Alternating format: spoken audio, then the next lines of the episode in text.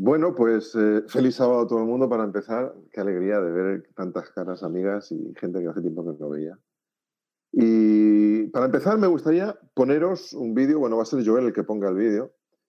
Eh, no os asustéis, ¿vale? Eh, es una ilustración de algo que me preocupa enormemente, muchísimo y que está ocurriendo pues de forma más subrayada todavía, aunque es algo habitual, más subrayada todavía desde que empezó la pandemia y me preocupa mucho, y os lo digo de verdad. Hoy quiero abrir mi corazón, compartir con vosotros una preocupación que he tenido y que le, he pedido al Señor muchísimas veces que me, que me ayude a aclararla y, y, lo que he encontrado en la Biblia lo voy a compartir. Pero primero vamos a ver este vídeo. Vamos a verlo. Vale, Joel. Sí. Vale, pues eh, reinicio y inicio. Le doy así que me vive el reloj cuando se me acabe el tiempo.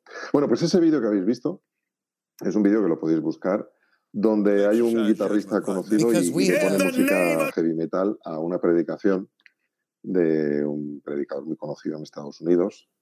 Y, y sinceramente ha, ha, causado furor. Yo lo, lo, he llegado a ver en diferentes medios de comunicación, en Estados Unidos sobre todo, y ha causado furor también entre mucha gente de la iglesia adventista, porque se burla, entre comillas, eh, de, de un predicador que está literalmente ejecutando un juicio contra Satanás, contra, bueno, es un pastor pentecostal, eh, creo, eh, contra todo esto.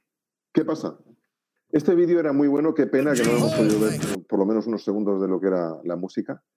Como un, un mensaje que en un contexto hay gente que le parece bien, fuera de contexto se puede utilizar para todo lo contrario.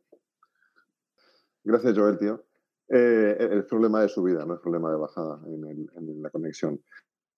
El, el, que, el guitarrista, sinceramente, es un genio, porque el tío lo que ha hecho ha sido a poner música siguiendo el ritmo, el tono de lo que está diciendo el predicador. Y es curioso como un mensaje en un contexto puede significar una cosa y en otro contexto puede significar otra. El mensaje es el mismo. Y eso es lo que yo me ha dado muchísima pena de ver que el mensaje de base de muchísimos predicadores, eh, durante todos estos meses, durante el 2020, ha sido, entre otros, Mateo 24. Y Mateo 24 le puedes poner o una guitarra muy dura, heavy metal detrás, para burlarte de ese mensaje, o puedes darle un acento eh, gritón, acusador, como hace ese predicador, lo que causa que mucha gente se burle de ese mensaje, o puedes intentar darle otro tono. Y yo me hice la pregunta, ¿cómo lo dijo Jesús? Cuando Jesús habló, cuando Jesús dijo, dio, pronunció lo que está registrado en Mateo 24, ¿qué es lo que hizo? Porque yo lo que hago, perdón, mm, yo no, muchos predicadores hoy en día lo que hacen es meter esa guitarra pesada para acompañar sus mensajes y llamar la atención de muchísima gente. Es el fin del mundo, esto se va a acabar, esta es la pandemia y se acabó. Y, y yo lo siento muchísimo, pero yo cuando veo muchos predicadores a la usanza, de que si el reseteo, de que si el no reseteo, de que si el microchip y las historias estas, eh, eh, me los imagino con una guitarra eléctrica, eh, haciendo lo que hace este. Sinceramente, os lo digo así de claro. Os voy a leer una frase. Ahora imaginad que yo tengo una música bucólica, una música romántica, ta, ta, ta, de película, y yo me quedo mirando a Susana a los ojos porque está a punto de salir de viaje y le digo, te buscaré. Iré hasta los confines del mundo, haré lo que sea necesario y no pararé hasta volver a encontrarte. Qué romántico, ¿verdad? Ahora imaginaos esa misma frase, esa misma frase, con un coche ardiendo detrás, con música cañera, con ese guitarrista y yo con este tono. Te buscaré, iré hasta los confines del mundo, haré lo que sea necesario y no pararé hasta encontrarte ostras, ¿cómo cambia? ¿Os dais cuenta de que una misma frase, con la música y el tono que le pongas, cambia completamente de significado? Pues me he dado cuenta de que estamos haciendo lo mismo con Mateo 24. Pero os lo digo así de claro. Y perdonadme porque sé que al final me voy a emocionar, voy a llorar como un desgraciado, porque, porque es un mensaje que me toca mucho la patata a mí y lo quiero compartir con mis amigos. Mira, lo primero, contexto. Mateo 24, estamos al final de los evangelios, ya estamos cerca del Pentecostés, ya estamos, eh, perdón, de Pentecostés, de la Pascua, ya estamos en una fiesta de peregrinación, ¿ok? Entonces, lo primero que tenéis que saber es, para que os hagáis un poquito de ambiente, el gran contexto. Jerusalén tenía 28.000 habitantes durante todo el año. Ahora imaginad, no sé, una ciudad de por ahí que tenga unos 28.000 habitantes. ¿Vale? En, condiciones normales. Pero resulta que Jerusalén recibía muchísima peregrinación religiosa cuando había las grandes fiestas de peregrinación. Y, esa, y una de las fiestas era justo lo que se aproximaba. Entonces la gente ya estaba llegando mucho, ya estaban llegando a borbotones, a chorros, para celebrar la Pascua. Pues que sepáis que Jerusalén pasaba de 28.000 habitantes a 180.000 habitantes, que se dice rápido, en esa época. Y era un momento en el que, pues yo no lo sé, pero imaginad que metéis 180.000 habitantes en un, hoy en día sería un pueblo de 28.000. No cabe un alfiler, o sea, tú tiras un alfiler, como dice Dani Rovira, y antes de que caiga al suelo ha pinchado a 10. Es que es así no cabía nadie apretados en la calle. Es como ir a, Zaragoza cuando se podía, a las fiestas del Pilar. Pues estás sudando en pleno invierno, como aquel que dice. ¿Por qué? Porque vais apretados. Si uno se desmaya, no se cae al suelo, porque lo tienen los demás derecho, entre, apretujado. O sea, Jerusalén era eso. Y ir a la explanada del templo era más de lo mismo. A la gente, es que ir a Jerusalén era ir a visitar el templo. Era una visita obligatoria era obligatoria y además el templo era estupendamente magnificente, forrado de mármol blanco, toda la fachada chapada en oro, literalmente con, azulejos de un, del grosor de una moneda de un euro, pero de oro puro. Bueno, no voy a entrar en descripciones porque se me va. Normalmente tengo una descripción muy bonita. Y cuesta muchísimo Jerusalén, calles estrechas, abarrotadas, apiñadas, no cabe un alma, todo el mundo sudando literalmente y además, además, allí hace calor sea, imaginaos, estás ahí, en fila india, Jesús el primero, los discípulos detrás, ahí abriendo paso en medio de la multitud para llegar al templo. Y cuando llegan al templo, en Mateo 24, versículo 1, tened la Biblia abierta en Mateo 24, por favor, porque vamos a ir leyendo frases interesantes y de vez en cuando os voy a pedir que me, que una frase. Y vemos que llegar al templo ya era una aventura. O sea, abrirte paso en medio de esa, en medio de esa multitud, de esa Jerusalén hiperpoblada, en ese momento era horrible. Y ya que han llegado al templo, de repente Jesús dice, mira, yo me voy, se larga, se da la vuelta y los discípulos no se lo creen, con lo que nos ha costado llegar a la, a del templo y va Jesús y se le da media vuelta y se marcha. Pero, ¿qué ha pasado? ¿Qué ha pasado? y entonces dices ahí, lo leéis, Mateo 24.1, literalmente que los discípulos se dan la vuelta y ven la espalda de Jesús a empujones abriéndose camino entre la multitud para salir de la esplanada del tiempo y salir de ahí, que, no, se podía ni estar ni respirar. Y los discípulos ven, la agarran del brazo, lo detienen y dicen, ¿pero dónde vas, maestro? Ven aquí, mira, vamos a, te invitamos a, darte una visita guiada, que aquí hay muchas cosas que ver. Mira, te voy a explicar el, el origen de esta nave, de aquello, de la fuente, de lo otro. Fijaos lo que dice el versículo 1. Vamos a admirar el templo. Fíjate, maestro, qué bonito, qué grande, qué imponente. Se ofrecían a enseñarle y a explicarle todo lo que había por ahí. Con lo que ha costado llegar, ¿nos vamos a ir enseguida? No, hombre, no, espérate un poco. Y me hace gracia cómo reacciona Jesús. Jesús que conoce muy bien del, templo, de sobra, si lo diseñó él, lo diseñó él, acordaos, en, en el Éxodo, en lo Pentateuco. Y también conoce a sus discípulos, se apresta a darles una lección que yo sé que jamás se le olvidó. Y es una lección que nos llega hasta nuestros días. Lo que pasa es que nos ha llegado con música que no es. Jesús se da la vuelta, mira a sus discípulos y les dice, vamos a ver, eh, ya me doy cuenta de que no, no os habéis enterado de lo que realmente importa. Versículo 2. ¿Veis todo esto? Pues yo os aseguro que de este templo y de este lugar no quedará ni una piedra encima de otra, esto da igual, si esto no es lo más importante, vámonos de aquí, anda, vámonos de aquí, que esto da igual, si esto, esto es temporal, aquí no va a quedar una piedra sobre otra.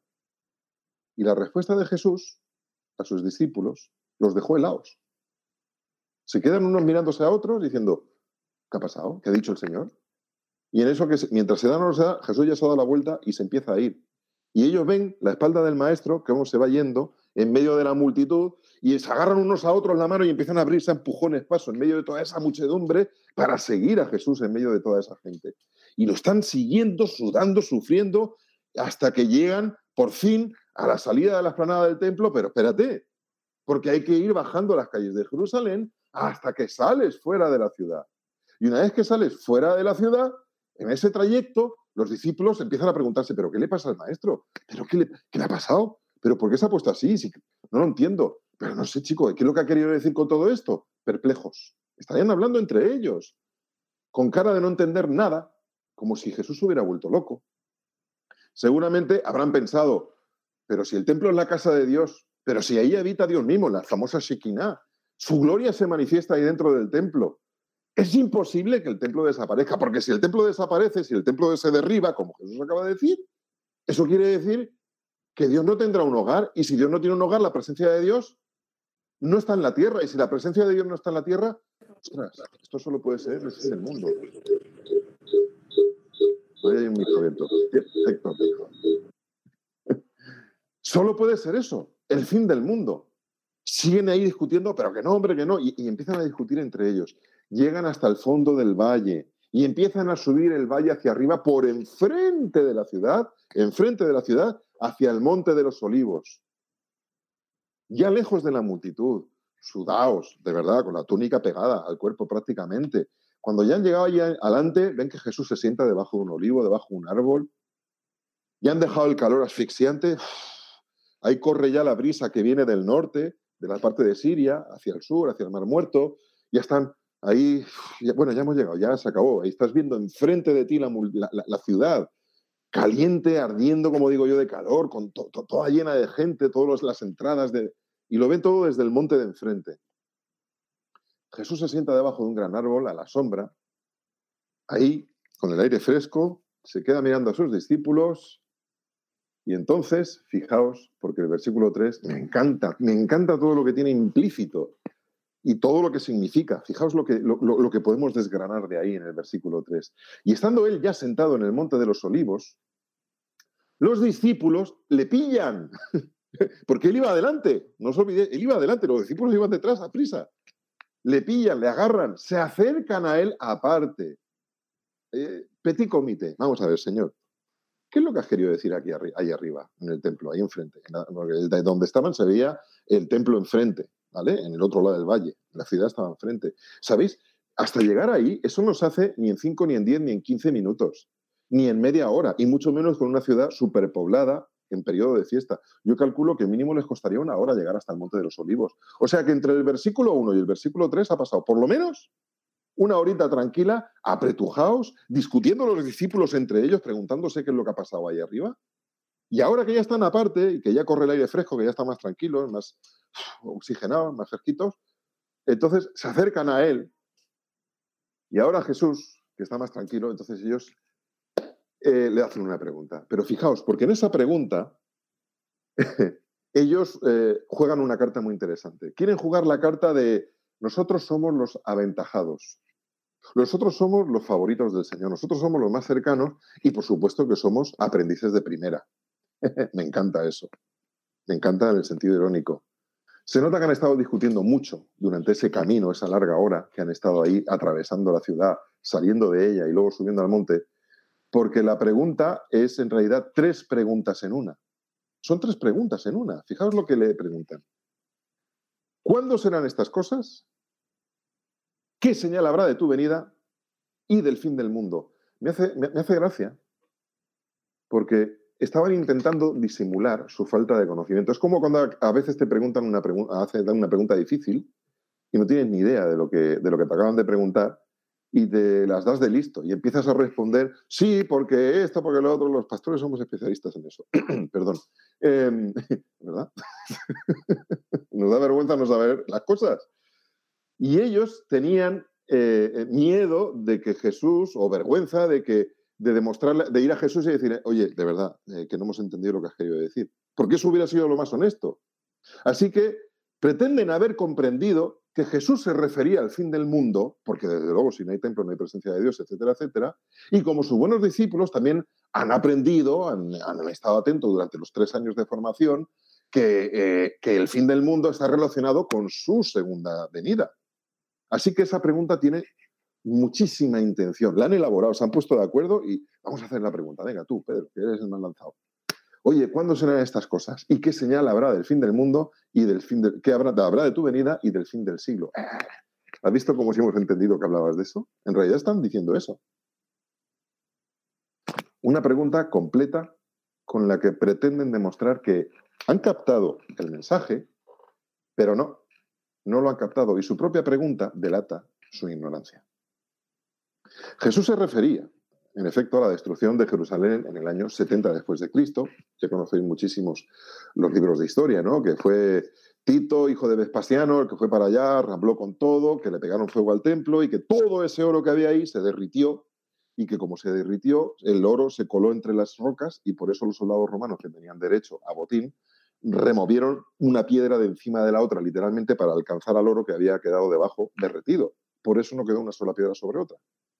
Todo se quedó fundido y todo quedó derretido. Por supuesto que Jesús se refería a eso. Y eso ocurriría solamente 40 años después de ese momento en el que estaban viviendo. Muy lejos estaba todavía la segunda venida del Mesías y el fin del siglo. Muy lejos estaba todavía. ya estamos dos mil y pico de años, dos mil años después. 1990 y algo si queréis, pero bueno, da igual. Pero Jesús lo mira, los mira con una sonrisa y yo creo que con un poquito de pena a la vez. Yo creo que Jesús tenía muchísimas cosas que enseñarle todavía, ya que además le quedaba muy poco tiempo y, para ser sacrificado. Yo me imagino a Jesús, yo no, me puedo imaginar estar yo en su lugar porque yo me desesperaría, yo me mordería las uñas y me llegaría ya a los muñones. Pero Jesús no se desespera ante ese cuadro de discípulos cortos, porque eran cortitos, la verdad, de miras espirituales. Y yo creo que Jesús, muy lleno de ternura y amor, suspira con paciencia y dice, venga, va, que lo voy a intentar explicar, a ver si lo pilláis. Mezcla lo que va a ocurrir eh, apenas cuatro décadas después con lo que han preguntado en efecto, que tiene que ver con su segunda venida. Por eso el, Mateo 24 encontramos, y eso lo habéis visto en muchos libros que intentan interpretar Mateo 24, ¿no? El tipo y el antitipo, y lo mezcla magistralmente para, bueno, a partir de lo que va a ocurrir, que puedan entender otras cosas. Porque en realidad han preguntado sobre eso, han preguntado por el tiempo del fin pero no es en el tiempo del fin cuando ese templo iba a ser destruido, sino 40 años después. Y Jesús ve tanta inocencia y tanta limitación, limitación de, de verdad, de cortito, ¿eh? en sus discípulos, que responde con una sola frase. Versículo 4. Fijaos, porque es la primera frase de lo que Jesús enseña en todo el capítulo. Mirad que nadie os engañe. Y a mí me rompió los esquemas cuando me di cuenta de que era la primerísima frase que Jesús menciona. ¿Sabéis? Que nadie os engañe. Jesús lo dice varias veces, eh, luego también después. Eh, llega a decir, eh, muchas cosas os tengo que explicar, pero no las podéis soportar todavía. Jesús tenía tantas cosas que decir y que los discípulos no estaban en condiciones de recibirlas. Yo, yo, me sentiría, no sé, qué impotencia, ¿no? De, de, decir, ay, madre mía, pero ¿cómo puedo explicar yo estas cosas? ¿Cómo puedo yo hacer comprender de una vez lo que realmente quiero decir. Jesús se da cuenta de esa, ¿cómo te diría yo? Esa tendencia que tenemos los seres humanos de querer saber más que los demás, de querer ser el discípulo favorito, el pastor que más sabe.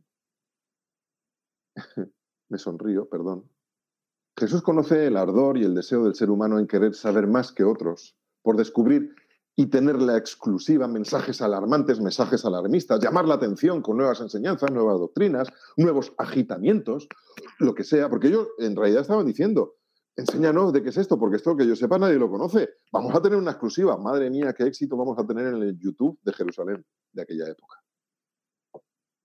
Y Jesús les dice, no entréis, por favor, en el juego de secretismos.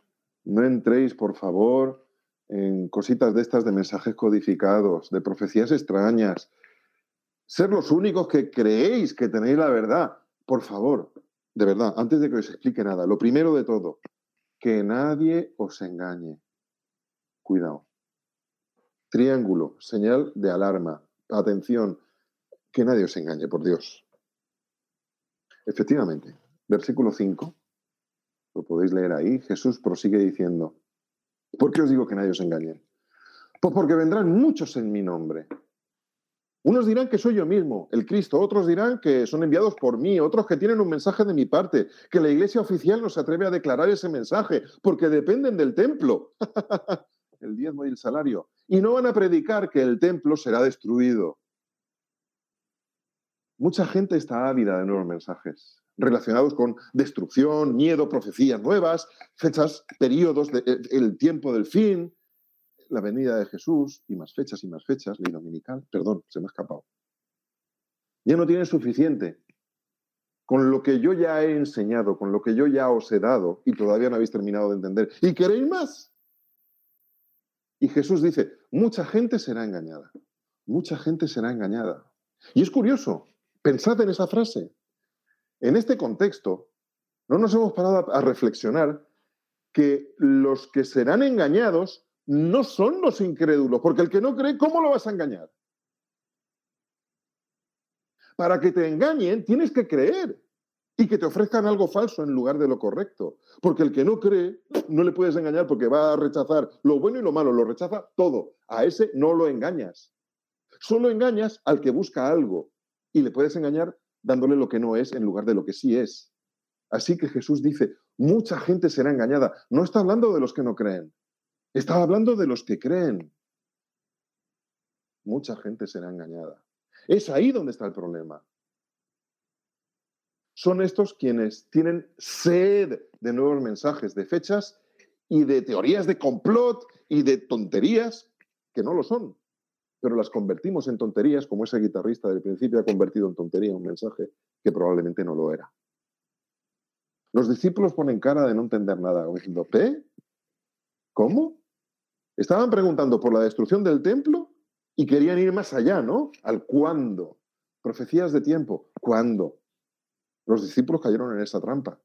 Leyes dominicales, ¿cuándo? Señales del fin, ¿cuándo? Pandemias, ¿cuándo? Fin del mundo, ¿cuándo? Pero Jesús les advierte seriamente, cuidado con jugar a ese juego.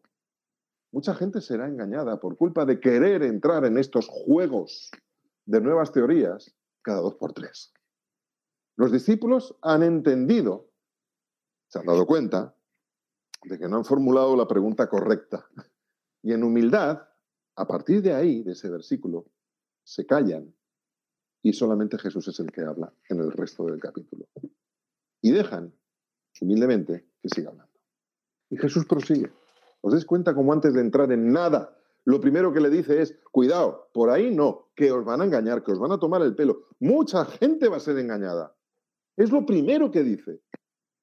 Jesús prosigue saciando en parte la sed de profecías de sus discípulos, diciendo en el versículo 6, sí, y oiréis de guerras y rumores de guerras, y aquí nosotros podríamos añadir lo que se dice ya en los otros evangelios, hambres, terremotos, pestilencias, pandemias, COVID. Jesús está en la introducción de todo un episodio dedicado al fin de los tiempos, Mateo 24 y 25. Y no voy a hablar de Mateo 25 hoy, pero me gustaría hacerlo otro día pero no entra en los detalles. Fijaos que no entra en los detalles. El resumen introductorio es, van a ocurrir muchísimas desgracias, guerras, enfermedades, pandemias, muchísima gente va a morir. Pero no está diciendo cuándo, ni dónde, ni cómo. Está generalizando. Simplemente nos está informando de cosas que van a llegar, pero que da igual el cómo. Jesús nos está diciendo inmediatamente, justo después, una frase interesante. Y ese es el detalle que nos pone la música y el tipo de letra y el tipo de fondo y color que hay que tener al leer Mateo 24. Mirad que no os turbéis. Antes de empezar a entrar en detalles, lo dice, les dice de verdad, mirad por favor, os lo digo por favor, en serio, os voy a decir unas cuantas cosas, pero no os preocupéis. No, no, no, no os angustiéis, no os turbéis con lo que voy a decir, por Dios, por favor. Tranquilos, lo sé, es preocupante lo que os voy a contar, pero no os angustiéis.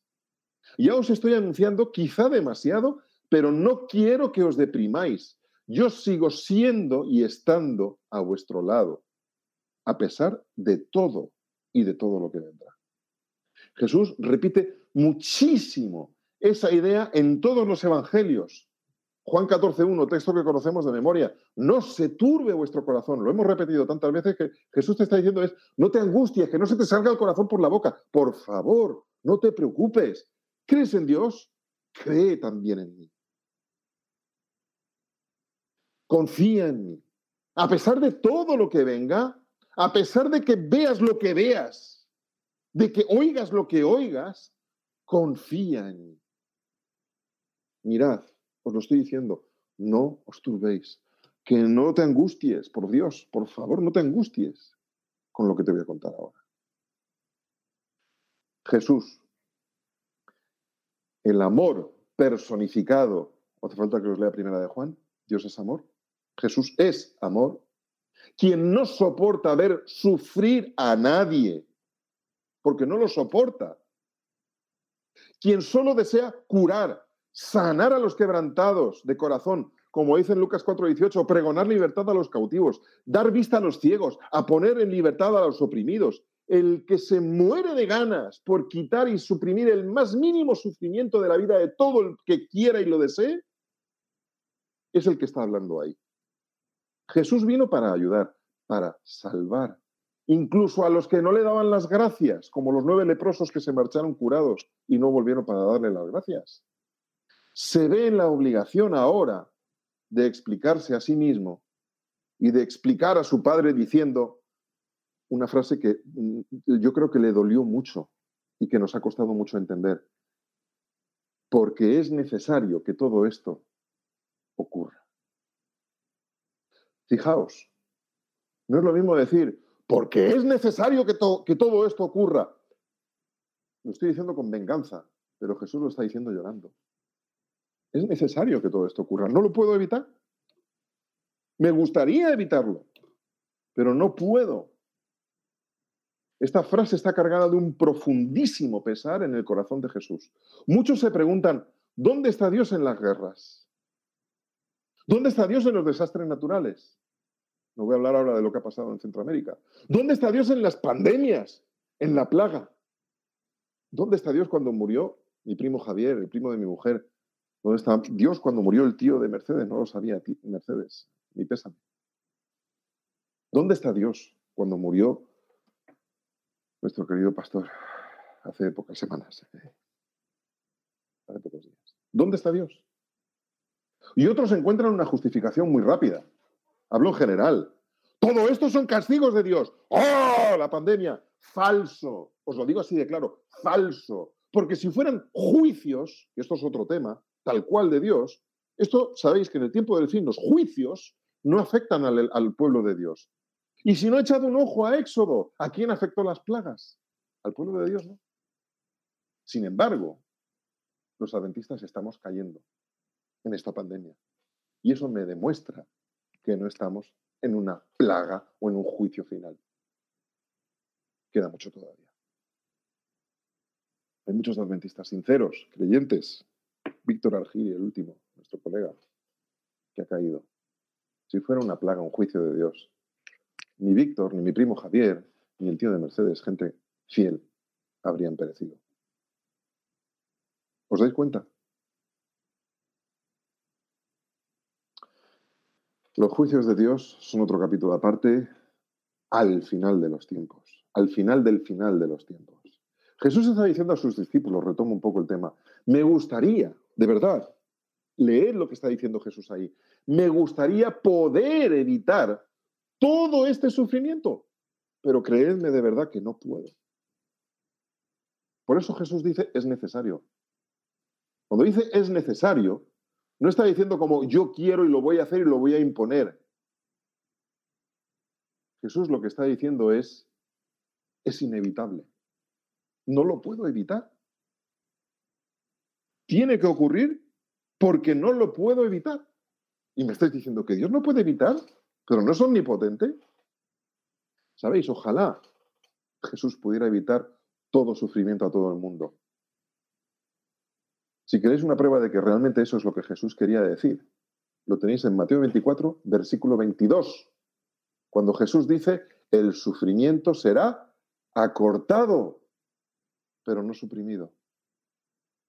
Jesús dice que en la medida de lo posible, dentro del poco margen de maniobra que la humanidad le está dando a Dios, intentará que el sufrimiento que haya sobre esta tierra sea acortado el máximo posible. Pero no lo puede suprimir por una sencillísima razón, el libre albedrío. Incluso Dios tiene límites. Se limitó al crearnos. La libertad del ser humano y del resto de seres creados. Dios no puede obligar a nadie a aceptar la salud, el perdón, la salvación o ningún otro tipo de ayuda, porque si no sería un tirano y Satanás tendría razón. Todo lo que está ocurriendo en este mundo es resultado de las malas decisiones del ser humano. Y Dios no puede obligarnos a ser buenos. Es necesario que todo esto ocurra. Lo siento. Porque si lo evito, estaré faltando a la libertad de la humanidad y obligándola a recibir algo que no ha pedido. Tu libre albedrío, mi libre albedrío, desaparecería. Es necesario que yo, Dios, hablo por Él, respete tus decisiones y las del resto del mundo. Y os digo bien, porque es el ser humano el que ha comido murciélagos, el que ha hecho cosas con el pangolín, es el ser humano el que causa el calentamiento global y el que haya hecho que este año haya sido el más caluroso de la historia registrada, el que más huracanes ha tenido de toda la historia registrada. 2020 es el año catástrofe. Sí, consecuencia de nuestras acciones como humanidad. Y Dios no puede obligarnos. Jesús prosigue añadiendo, versículo 8, y todo esto serán principios de dolores. Esto también se nos olvida. No está diciendo que son fines de dolores. Principios de dolores. Es comúnmente aceptado en la Biblia y en todos los lugares que, podemos leer que está hablando de dolores de parto. Y el apóstol Juan clarifica más adelante, lo tenéis en Juan 16, 21, que cuando la mujer da a luz tiene dolor, pero que llegada la hora, después de que ha dado a luz un niño, ya no se acuerda de su angustia. Y por el gozo de haber tenido a un varón, de que ha nacido un hombre en el mundo, se alegra. Si nosotros nos hemos alegrado de ver los dos cachorros que le han llegado a, Raquel y a Santi en casa, que nos comparten las fotos de los cachorritos de Perry, es verdad que ha habido otros que no están, pero es una alegría. Pues cuánto más tener un hijo. Escuchad, si a las mujeres, ahora, preguntan, por lo menos a sentir con la cabeza, si a las mujeres que todavía no han sido madres solamente, única y exclusivamente, les hablásemos de, y todo el rato sin parar, de los dolores del parto, las contracciones, la episiotomía, las complicaciones, las hemorragias, eh, la posible muerte en, en el parto, todas las complicaciones que pueden haber, ¿me podéis decir qué mujer tendría ganas de tener un hijo? Ninguna, la humanidad se extinguiría en una generación. Igualmente tenemos tendencia a centrarnos en los desastres y en las desgracias, en todo lo que sobrevendrá conforme eh, este mundo se vaya acercando al fin. Y a tal punto nos centramos solo en eso y nada más que en eso, que incluso los jóvenes, y a lo mejor los no tan jóvenes, que esperan el regreso de Jesús, en el fondo, estamos pensando, eh, pero que tarde un poquito, por favor, porque nos da miedo. Jesús nos dice, lo más importante es la alegría que viene después, nuestro reencuentro. Pero si lo primerísimo que vamos a hacer nada más que Jesús regrese va a ser banquete, cena, irnos de bodorrio. Sí, que es lo primero que vamos a hacer. ¿Os dais cuenta cómo es un espíritu de fiesta, de alegría, que no tiene nada que ver? ¿Qué música le estamos poniendo a Mateo 24? Luego Jesús entra en más detalles desagradables. Sí, sí, llegarán incluso a matarnos, versículo 9. Pero eso no es lo que nos tiene que preocupar. En el versículo 11 repite de nuevo otra vez, fijaos, en el versículo 11 repite otra vez la idea, pero os lo digo muy en serio, por favor, se levantarán falsos profetas, se levantará gente que... La gente estará ávida de nuevas enseñanzas, de profecías, de fechas, pero eso no es lo más importante. Eso no es lo necesario para sobrellevar o soportar todo lo que vendrá después. Lo más importante soy yo. Jesús te está diciendo, lo más importante soy yo, no esos detalles. Porque Jesús dice en el versículo 13, el que persevere hasta el fin, ese, ese será salvo.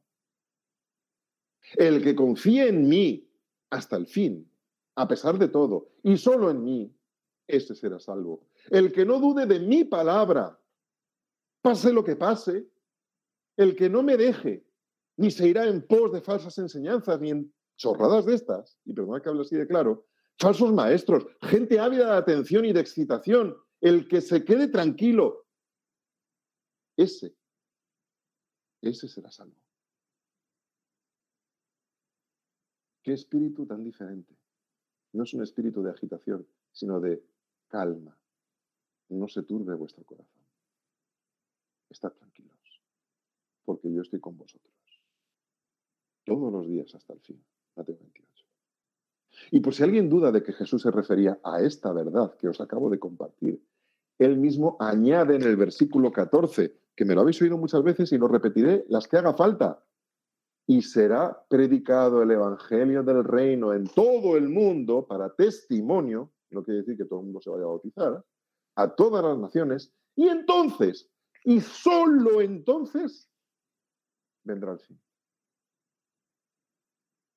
La única condición, no digo señal, digo condición real, verdadera, para que Jesús por fin pueda venir a buscarnos, no son las guerras, ni las pandemias, ni el COVID, ni los terremotos, ni los huracanes. Todo eso solo son contracciones, sufrimientos previos, pero no son la condición en sí. La única señal que provocará el regreso de Jesús no es el COVID, ni la vacuna, ni leyes dominicales, ni nada de eso, ni un presidente X o Y o Z. Todo ello solo son síntomas, contracciones previos, pero no lo que causa la segunda venida. Lo único que causa la segunda venida es, y solamente es, la predicación del Evangelio a todo el mundo, toda tribu, toda lengua, toda nación, todo pueblo. Hace poco compartían una minutina en un vídeo, y es un hecho. Menos de la mitad de la humanidad es cristiana. ¿Me habéis oído? De los 7.500 millones de habitantes que hay en este planeta, apenas 2.500 millones somos cristianos, poniendo juntos católicos, protestantes, evangélicos y todo. Adventistas solo somos 20 millones. Versículo 14. Cuando sea predicado el Evangelio a todo el mundo, entonces vendrá el fin. Hermanos, gente, yo miro las estadísticas del mundo y digo, Señor mío, ten misericordia de mí porque nos faltan siglos hasta que tú regreses. Ahora alguien cortará esto y me difamará del vídeo. Pero también os digo que depende única y exclusivamente de nosotros. No depende del COVID, ni de Donald Trump, ni de Biden, ni de ninguno. Depende de ti y de mí. Solamente. Somos 20 millones de adventistas en el mundo. Si cada adventista se comprometiese a traer uno a la iglesia al año, en dos años seríamos, en un año seríamos 40 millones. En dos 80, en tres 160, en cuatro 220, en cinco 640, en seis... ¿Sabéis? En ocho años, nueve años, seríamos ocho mil y pico millones de adventistas en el mundo, más que habitantes tiene el mundo ahora. Si realmente hiciéramos nuestro trabajo, en, ocho años todo el planeta sería adventista del séptimo día. Pero no dice que hay que ser, dice testimonio. Porque si yo para traer una persona a la iglesia le he predicado a 20 o 30, os aseguro que en tres años, dos años, tres años, todo el mundo habría recibido el mensaje y Jesús regresa. Eso sí es creíble. Solo hay un pequeño problema hay que hacerlo. Pero a este ritmo, menos de la mitad de la humanidad es cristiana. ¿Se puede hacer? Sí. No estoy diciendo que Jesús vaya a tardar siglos en regresar. Estoy diciendo que puede tardar dos o tres años, pero depende de ti y de mí. Eso sí es sencillo. Eso sí me preocupa. Y me preocupa de verdad. Y no las teorías de ni del reseteo, ni del no reseteo, ni de la puesta a punto, ni de la puesta en marcha, ni de ninguna historia de estas. ¿Por qué no? Porque eso no es realista. Mirad que nadie os engañe. Podemos perder años, años de nuestra vida predicando sobre quién es el mejor o el peor en una iglesia o en la otra iglesia. ¿Cuál es la iglesia apóstata o no? Podemos discutir mil veces de cuál es el último papa o presidente de Estados Unidos. Podemos pasar años discutiendo y fijando fechas, interpretaciones lo más torcidas que os pueda ocurrir, pero nada, nada, nada de eso va a hacer que Jesús regrese. Solamente el día que cada uno agarre su Biblia y de estudios bíblicos. Ese será el día en el que yo realmente os diga, sí, Jesús está muy a punto de regresar. Y eso es lo que yo realmente deseo, anhelo y quiero que compartáis. Pero sobre todo hoy, mi objetivo era transmitiros lo que Jesús quiso transmitir en Mateo 24. No os angustiéis. Todo esto son detalles. Podemos hablar, pero lo más importante es que en la medida de lo posible acortaré el sufrimiento para que no sufráis. Prometo estar todos los días con vosotros. Lo demás son detalles. Muy interesantes, pero detalles. Predicad,